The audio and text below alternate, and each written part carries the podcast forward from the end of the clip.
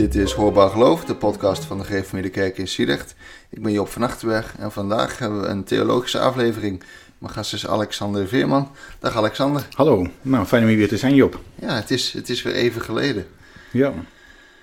En vandaag blijven we bij, uh, ja, dicht bij het boek zelf. We willen het hebben over hoe je de Bijbel leest. En ik moet zeggen, dat, dat, ik was zo'n soort zenuwachtig voor deze opname. Want ja, hoe lees je de Bijbel?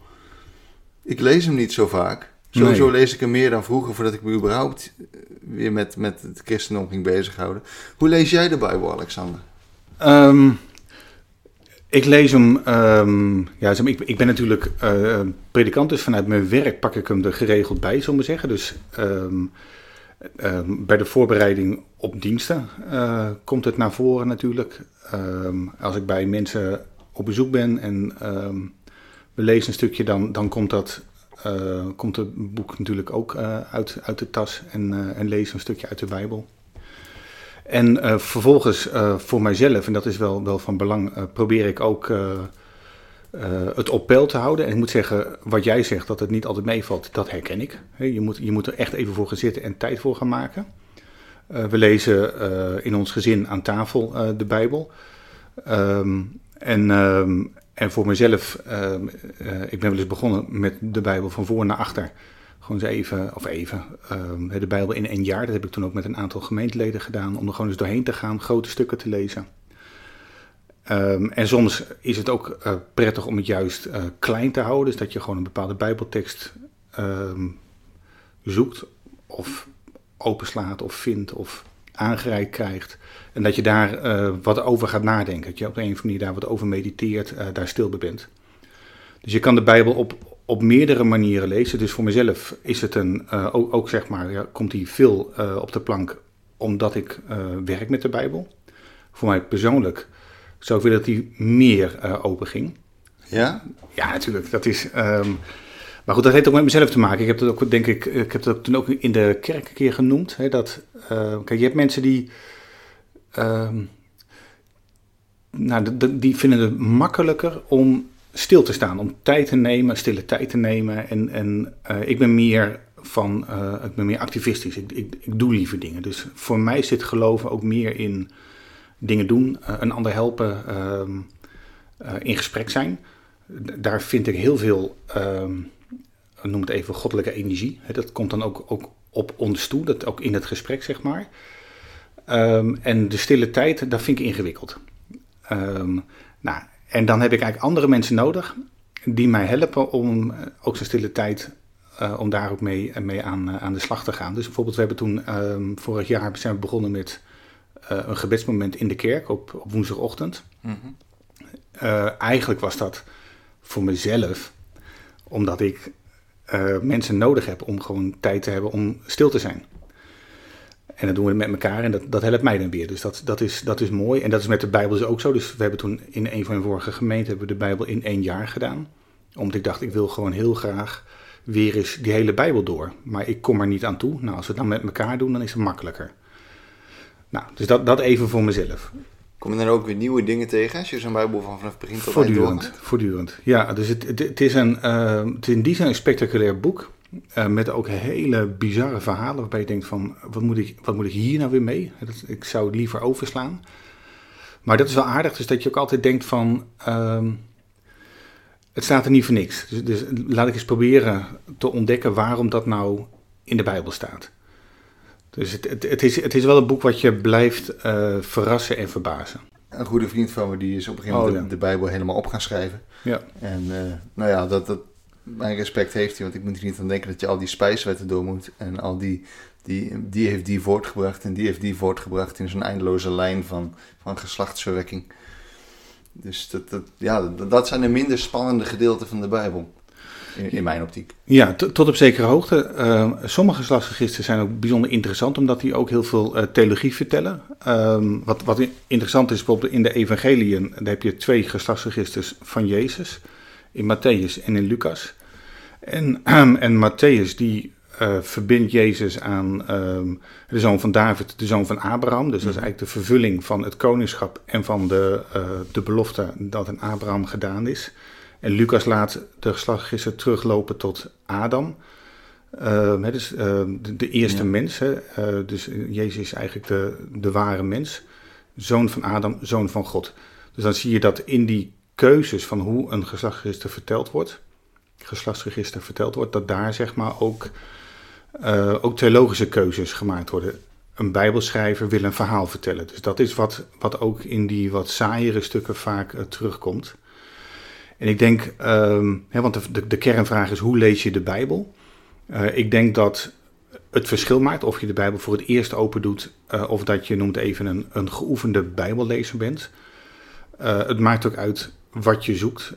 of je ehm, gewoon zult weten hoe werkt dat nou in de Bijbel. Of ik, of ik wil geïnspireerd worden door God. Dus dat, hè, dat zijn natuurlijk ook belangrijke vragen ehm, die ook bepalen hoe je met de Bijbel om zult gaan.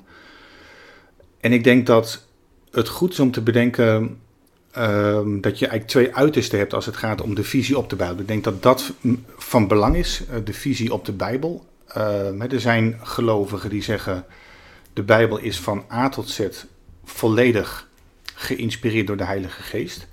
Dus dat betekent dat vanaf Genesis 1, eh, vers 1 tot en met het laatste vers van Openbaring alle woorden letterlijk door de Heilige Geest zijn ingegeven aan de Bijbelschrijvers. En dat betekent ook dat je elke, ehm, elk Bijbelvers ook heel veel gezag geeft. Want het is namelijk het woord van God. En daar valt ook niet over te discussiëren. Het is zoals het is. Een ander uiterste is dat je zegt: het is een, eh, een boek vol wijsheid. Het is interessant. Eh, je hebt eh, de sprookjes van Grim. ehm razend boeiende sprookjes. En die laten iets zien van een cultuur, van een tijd, van de strijd tussen goed en kwaad. Nou, in de Bijbel is ook zo'n eh, zo'n boek vol met eh, verhalen, wijsheidsverhalen. eh, veel symboliek, razend interessant. Ehm, en ik denk dat beide uitersten de Bijbel zelf tekort doen. Op het moment dat je zegt het is alleen maar, noem het even, een, een wijsheidsboek, Ja. dan zit er ook geen gezag meer in en doe je ook geen recht aan dat je God kunt ontmoeten in die Bijbel. Het is het woord van God. En eh, we lezen ook in Johannes 1 en in Genesis 1 dat als God spreekt, er ook een wereld eh, kan ontstaan. Hè? Dus Ja, vanuit ja. die Bijbel spreekt God. Dat vind ik belangrijk. Dus, dus ik vind het te, de Bijbel tekort doen als je zegt het zijn alleen maar sprookjes of het is alleen maar symboliek. Maar als je zegt elk vers is volledig van de Heilige Geest, dan doe je de Bijbel ook tekort. Eh, en misschien ook voor onszelf als luisteraars van de Bijbel, omdat eh, de Bijbel in een bepaalde tijd geschreven is, in een bepaalde context, met een bepaalde eh, visie van die tijd, en in een andere tijd gelezen wordt. Ehm, en, en, en je hebt bijvoorbeeld hele ehm, aantoonbare eh, voorbeelden waarin je zegt, ja, dat is, dat is ook contextueel. Bijvoorbeeld dat er staat dat de, de wind wordt opgewekt uit de vier hoeken van de aarde. Ja. Nou, daarvan eh, weten we dat de aarde geen hoeken heeft, maar dat de aarde rond is. Maar in het wereldbeeld was dat natuurlijk een hele logische manier van spreken. Eh, maar dus, dus even, even een klein voorbeeldje van, van hoe een, het in een bepaalde context geschreven is. Logisch. En nu lezen we het anders en vertalen we het naar onze tijd. Ja. Ja, dat, is, dat vind ik zelf ook wel moeilijk. Want eh, stel dat ik de Bijbel als het één uiterste zou interpreteren, het letterlijk waar, of het boek vol wijsheid. In beide gevallen krijg ik toch wat moeite met, ik noem maar iets, een gedeelte zoals, eh, volgens mij is dat nummerie 31, de, de afslachting van de Midianieten. Ja. Dan denk ik, ja, het, het zou ongetwijfeld gebeurd zijn, maar wat ik daar nou uit moet halen, eh, dat, dat, dat vind ik in beide optiek vind ik dat een moeilijk gedeelte. En dan ga je ook afvragen van ja, waarom staat het daar dan? Waarom is dat, eh, waarom is dat er niet uitgehaald of waarom is dat er juist ingehouden? En ik denk dat, dat je daarvoor toch iets meer theologisch onderlegd moet zijn om dat het juiste plekje te geven. Nou ja, kijk, wat, wat van belang is, is om te zien dat de Bijbel eh, ook een aantal eh, literaire eh, vormen heeft. Dus er is sprake van, noem het even geschiedschrijving, of geschiedenisboeken, zullen we zeggen. Wel vanuit die tijd, hè. dus ook, ook Flavius Josephus- was een, een historicus in de Romeinse tijd. Maar ook hij eh, had een bepaalde manier van opschrijven. Hè? Dus het, het is ook niet zo dat, eh, dat hij dezelfde feitelijkheid nastreefde als ehm, onze geschiedschrijvers nu zouden doen. Hoewel ook onze geschiedschrijvers ook keuzes maken. Hè. Dus uh, Lou de Jong werd later ook nog aangesproken omdat hij bepaalde passages had laten gaan in de geschiedenis. Dus, dus je hebt uh, geschiedenis, uh, je hebt, um, um, nou, noem het even gedichten, uh, poëzie. Hè, de, je hebt profetieën, um, apocalyptiek, dus boeken die gaan over, over de toekomst. Nou, allerlei soorten en brieven, de brieven van Paulus, evangelieën. En dat moet je ook meewegen van hebben we hier te maken met een geschiedenisboek of niet. en ik denk dat het uh, goed is om ook te kijken naar het grote verhaal van de Bijbel. Um, want dat helpt ook om de, de, hoofdstukken te, te, interpreteren. En neem een boek als uh, Rechters. Uh, dat gaat over de mensen die in de tussentijd Israël hebben aangestuurd. Hè. Um, de, um, de, de, bekende rechters, bijvoorbeeld Simpson, maar ook Samuel. Dat soort mannen, maar ook soms vrouwen. Die, die na de tijd dat, dat Israël in, volk, het Joodse volk in Israël was aangeland, het volk moesten aansturen voordat de koningen er waren. Nou, wat je in rechters leest, is dat eigenlijk een, een refrein is: als ze doen wat God van ze vraagt, dan gaat het ze goed. Ja. Vergeet ze God, dan gaat het mis.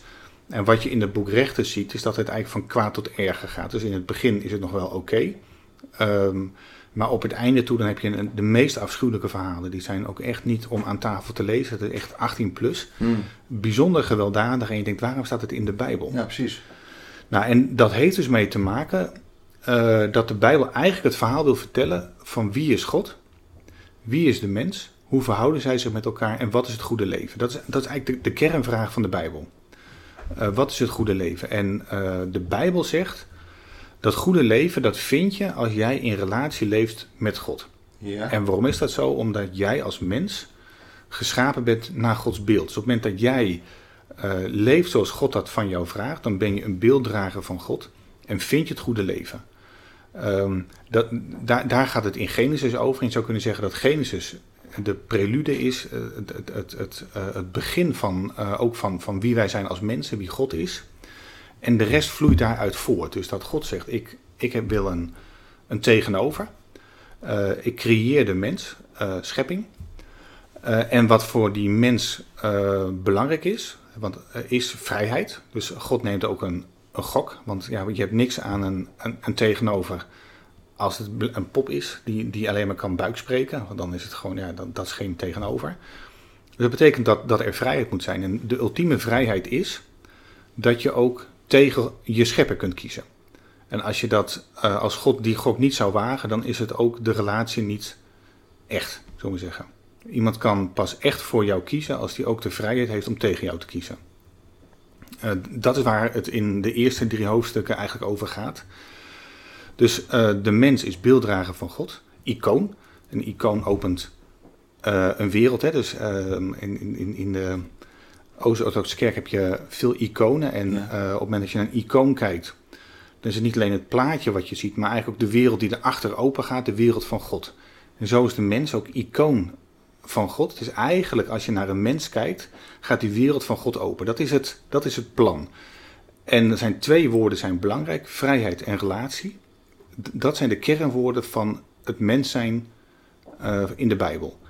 De mens kiest tegen God, want die zegt ja, uh, ik weet niet of we wel zo goed af zijn met God. Ik doe het liever zelf. Nou, Genesis 3 is dat. Um, en dan is uh, de rest van, van uh, eigenlijk de Bijbel gaat over God die opnieuw een verbond sluit met de mensen, opnieuw um, roept en zoekt um, en een, een reddingsplan heeft. En het reddingsplan is eerst Abraham als vader van alle gelovigen, de rechtvaardige of, of daarvoor eigenlijk nog Noach. Hè, dus de, uh, je zou kunnen zeggen dat het eerste verbond gesloten werd met Adam zelf, dus de eerste mens. Dus eigenlijk met de mensheid. Maar Adam kiest tegen God. Dan is, wordt het verbond gesloten met Noach. Genesis 6 is dat. Ja, ja. Um, want Noach is een van de weinige uh, rechtvaardig. Dus je ziet eigenlijk in die eerste vijf boeken van Genesis, of in de eerste vijf hoofdstukken van Genesis, razend spectaculair. Dat eigenlijk in no time die goede schepping verwort tot de chaos van voor de schepping. Dus dat, dat als je leest wat er in ehm, hoofdstuk 4 en hoofdstuk 5 gebeurt, dan is die chaos alweer ehm, eigenlijk compleet. En het begin van ehm, Genesis 6, waar Noach wordt geïntroduceerd, dan zie je ook dat alles gemixt en vermengd is en dat het kwaad huishoudt op aarde. En dan zegt God, ik sluit een nieuw verbond met Noach en ik begin overnieuw. Nou, dat verbond houdt ook geen stand. Op het moment dat Noach dan uit zijn boot stapt, dan gaat, wordt direct dronken en uh, gaat het mis, zeg maar. Nou, Abraham krijgt ook een, uh, de sluit God vervolgens een verbond mee. Dat is eigenlijk een verbond met uh, de rechtvaardigen, maar ook met een volk. Hè. Je zult een volk krijgen en dat volk dat gaat zich aan mij verbinden. En door dat volk zal de aarde ook geheiligd worden. Dat is eigenlijk het, het, het plan met het Joodse volk. Het is niet nooit een uitverkiezing in het Oude Testament betekent niet ten koste van een ander, maar altijd ten dienste van een ander. Dus het volk Israël wordt uitgekozen zodat anderen ook iets gaan opdoen aan wie God is. En dan zie je dus in het Oude Testament dat dat uiteindelijk mislukt. Dus ze gaan wel naar het beloofde land. Uh, en uh, dat is ook mooi bijvoorbeeld in, in Jozua. Dat is uh, het, het, eerste boekje na de, ehm, de Pentateuch, de eerste vijf boeken van de Bijbel. Uh, Jozua volgt Mozes op. Mozes was de grote leider van Israël. Um, en uh, we ontdekken nu ook dat Jozua niet, zo, niet, niet alleen maar uh, historie is, maar ook profetie. Want op het moment dat je bijvoorbeeld leest dat Jozua het beloofd land binnentrekt, dan loopt dat helemaal tot daar waar ooit de Hof van Ede werd ges, gesitueerd. Dus het loopt, okay. het loopt veel verder door, zeg maar. Dus die, noem het even, de verovering van het beloofde land, heeft ook te maken met het binnenkomen in, uh, in de Hof van Eden. Dus uh, in het beloofde land, daar waar God woont en daar waar het weer goed toeven is. Maar Israël houdt daar geen stand. Nou, dat zie je gebeuren in, bij rechters. Hè, dus dat ze eigenlijk uh, steeds op twee gedachten hinken. gaan we God dienen of doen we het zelf? Waarin ze precies zijn zoals ik zelf ben. Hè, dus, um, dus niks vreemds aan Israël. Dat is precies wie wij als mensen ook zijn. En dan zegt God, um, er komt een andere redder en dat is Jezus. En daar, gaat dan, daar gaan de profetieën over. Uh, hè, want uiteindelijk, uh, na rechters komt koningen. Dus er komt, uh, en koning David is zeg maar, de gestalte van de redder. Maar ook die houdt geen stand. Het is steeds dat zie de mens, nee toch niet, zie de nee, mens precies. En uiteindelijk... ja, en dan um, uiteindelijk zie je ook dus dat het volk Israël in ballingschap wordt gebracht. En dat is een... Um, dat is een dramatisch moment, want als je op het moment dat je met hart en ziel gelooft dat jij verbonden bent met God en dat je woont in het land wat jou door God gegeven is, waar je ook zeg maar aan je bestemming komt, en jij wordt daaruit weggevoerd, dan is eigenlijk alles mislukt. Mm. Dus dat was ook de, de pijn van de ballingschap. En dan zegt God, maar ik ga nu een andere Messias uh, uh, uh, laten komen en die zal het goed maken. Dat is dan Jezus die dan komt. Uh, dus daar, daar uh, Jezus zelf die zegt, uh, die, die, dat zie je in de evangelie, de evangeliën probeer ik aan te tonen. Kijk nou, dat, dat wie beloofd was in de profetieën, dat zie je nu gebeuren met Jezus. Ja, hij zegt het zelf. Hij zegt het zelf. Ja. Precies, hè? En, en ik denk altijd, dat is voor wie geloof hecht aan de Bijbel, is dat overtuigend. Voor iemand die, um, die zeg maar, zich afvraagt, hoe moet ik de Bijbel lezen? En is dat, is dat waar, dan is het natuurlijk een cirkelredenering. Want op het moment ja. dat als ik waarde hecht aan de Bijbel, zeg ik ja, maar het staat in de Bijbel. En dan zeg ik ja, maar zo wat, hè, want de Bijbel is mm. propaganda. Uh, maar wat je in ieder geval kunt zien is dat de, dus, uh, de vier evangelisten proberen duidelijk te maken: kijk nou, uh, deze Jezus is die beloofde Messias. Nou, en die brieven van Paulus gaan, dan, gaan daar dan ook over, zeg maar, waarin het nog meer wordt toegespitst. Hè. Dus er, er ontstaat een een, uh, een nieuwe beweging. Volgelingen van Jezus, mensen van de weg. Uh, en Paulus speelt daar een belangrijke rol in. Ja. En hij probeert mensen handen en voeten te geven. Hoe zijn je nou, ben je nou mensen van de weg? Nou, dat is eigenlijk een beetje het verhaal van de Bijbel. Oké, okay, ja, want ik, ik, las een citering van een, een uitspraak van een oude kerkvader, Irenaeus. Ja, kan. En die zei dat volgens mij, als ik het me goed herinner, die, die zei het Oude Testament is een, is een mozaïek van Christus. Dus dat je, wat jij zegt is dat hij daarin al wordt aangekondigd, dat je hem daarin kunt vinden. Ja. Dus is ook weer die, uh, die leidende dienaar is dat, is dat Isaiah 53? Uh, vanaf, ja, de, er zijn vijf teksten over de leidende knecht. Uh, en Jesaja 53 is daar de bekendste van. ja. Hmm. En het is, ehm, er wordt verschillend over gedacht. Hè, van, van, ehm, kun je de, de, het Oude Testament christocentrisch lezen? Ehm, ik, ik, denk dat het, dat het kan. Uh, ook omdat Jezus zelf op die manier uh, ja, zeg maar, uh, het ons heeft uitgelegd. Het is wel goed om te bedenken dat toen die verhalen werden opgeschreven, de schrijvers zelf niet per se aan de Messias dachten. Het was soms ook veel dichterbij. En dat, er, is een, um, er zijn um, profetieën die, um, die wij heel erg op Jezus betrekken. Uh, zie een vrouw zal zwanger worden, uh, Jesaja 7. Waarvan we ook weten dat die, toen Jesaja die uitsprak, hele, een, een hele concrete vervulling had in die tijd zelf. Oké. Okay. Uh, dus dat is ook wel interessant. Dus, dus het, het kan allebei. Dus ik, ik denk ook, het is ook goed om te bedenken wil je het Oude Testament goed begrijpen, dat je begint met het te lezen vanuit, noem het even, de, de context van die tijd. En dat wij als christenen kunnen zeggen, hey, hier zijn wel opmerkelijke uh, overeenkomsten of aanwijzingen. En we kunnen op de een of andere manier zien dat hier lijnen getrokken worden. Um, vanuit het Nieuwe Testament terug naar het Oude Testament. Ja, ja, ja. Ja, want dat lees je ook in het Nieuwe Testament voortdurend van dit en dit werd gedaan zodat dit in vervulling ging en dat werd gedaan zodat dat in vervulling ging. Denk ja, ik, ik, snap ook wel dat er mensen zijn die naar Jezus, eh, nadat hij overleden was, hebben gekeken van wat was hier nou aan de hand en hoe kunnen we dit plaatsen, want we begrijpen het eigenlijk niet zo goed. Uh, stel nou dat iemand zou willen beginnen met het lezen van de Bijbel, wat zou je ze dan aanraden? Ja, um, ik zou ze aanraden om, um, ik, ik, denk, samen te lezen. Dus dat je, okay. ik denk dat dat handig is. Dat je ook vragen kunt stellen. Dat je ook, um, want je loopt best wel tegen dingen op. Ja. Um, wat wordt nou bedoeld? Waar, waar, gaat het nou precies over? Wat ik denk is dat uh, Genesis een belangrijk hoofdstuk, uh, ja, zeg maar een belangrijk boekje in de Bijbel is. omdat daar zeg maar eigenlijk, eigenlijk de, de, de eerste verhalen verteld worden. En ik denk dat Johannes, het evangelie van Johannes, uh, een mooie toegankelijk evangelie is. Waarin Johannes probeert uit te leggen dat Jezus ook echt Gods zoon is. Dus die, die twee uh, denk ik dat het sowieso handig is om, om te lezen. Maar het helpt wel om wat achtergronden te kennen uh, en om met iemand in gesprek te zijn. Ik denk dat dat echt fijn is. Ja, ja toen ik begon met het lezen van de, de evangelie, toen is het toen aangeraden van nou ga, als je allemaal vragen over hebt, ga die evangelie maar eens lezen. Ik moet zeggen, Johannes is inderdaad ook de, een van de meer toegankelijkere. Er zit daar niet zo'n stuk in zoals de, de bergreden, maar de persoon komt daarin wel heel erg dichtbij. Ja, nou, kijk, en ik denk dat wat ook van belang is, um, als je de Bijbel leest, dat je ook een soort uh, leeswijze zet. Hè? Dus ik had net even genoemd van je hebt twee uitersten. En ik geloof ja. dus dat, dat, dat je Gods woord vindt in de, hè, dat de Bijbel Gods woord is. Uh, maar dat je wel rekening moet houden met dat in de ene context is geschreven en in de andere context wordt gelezen. Um, en dan is het ook van belang dat je um, ook, ook bijvoorbeeld nadenkt over dat.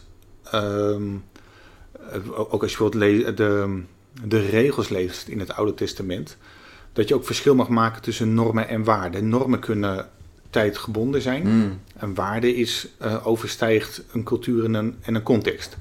En dan moet je bijvoorbeeld denken aan dat, um, bijvoorbeeld, um, dat bepaalde straffen werden.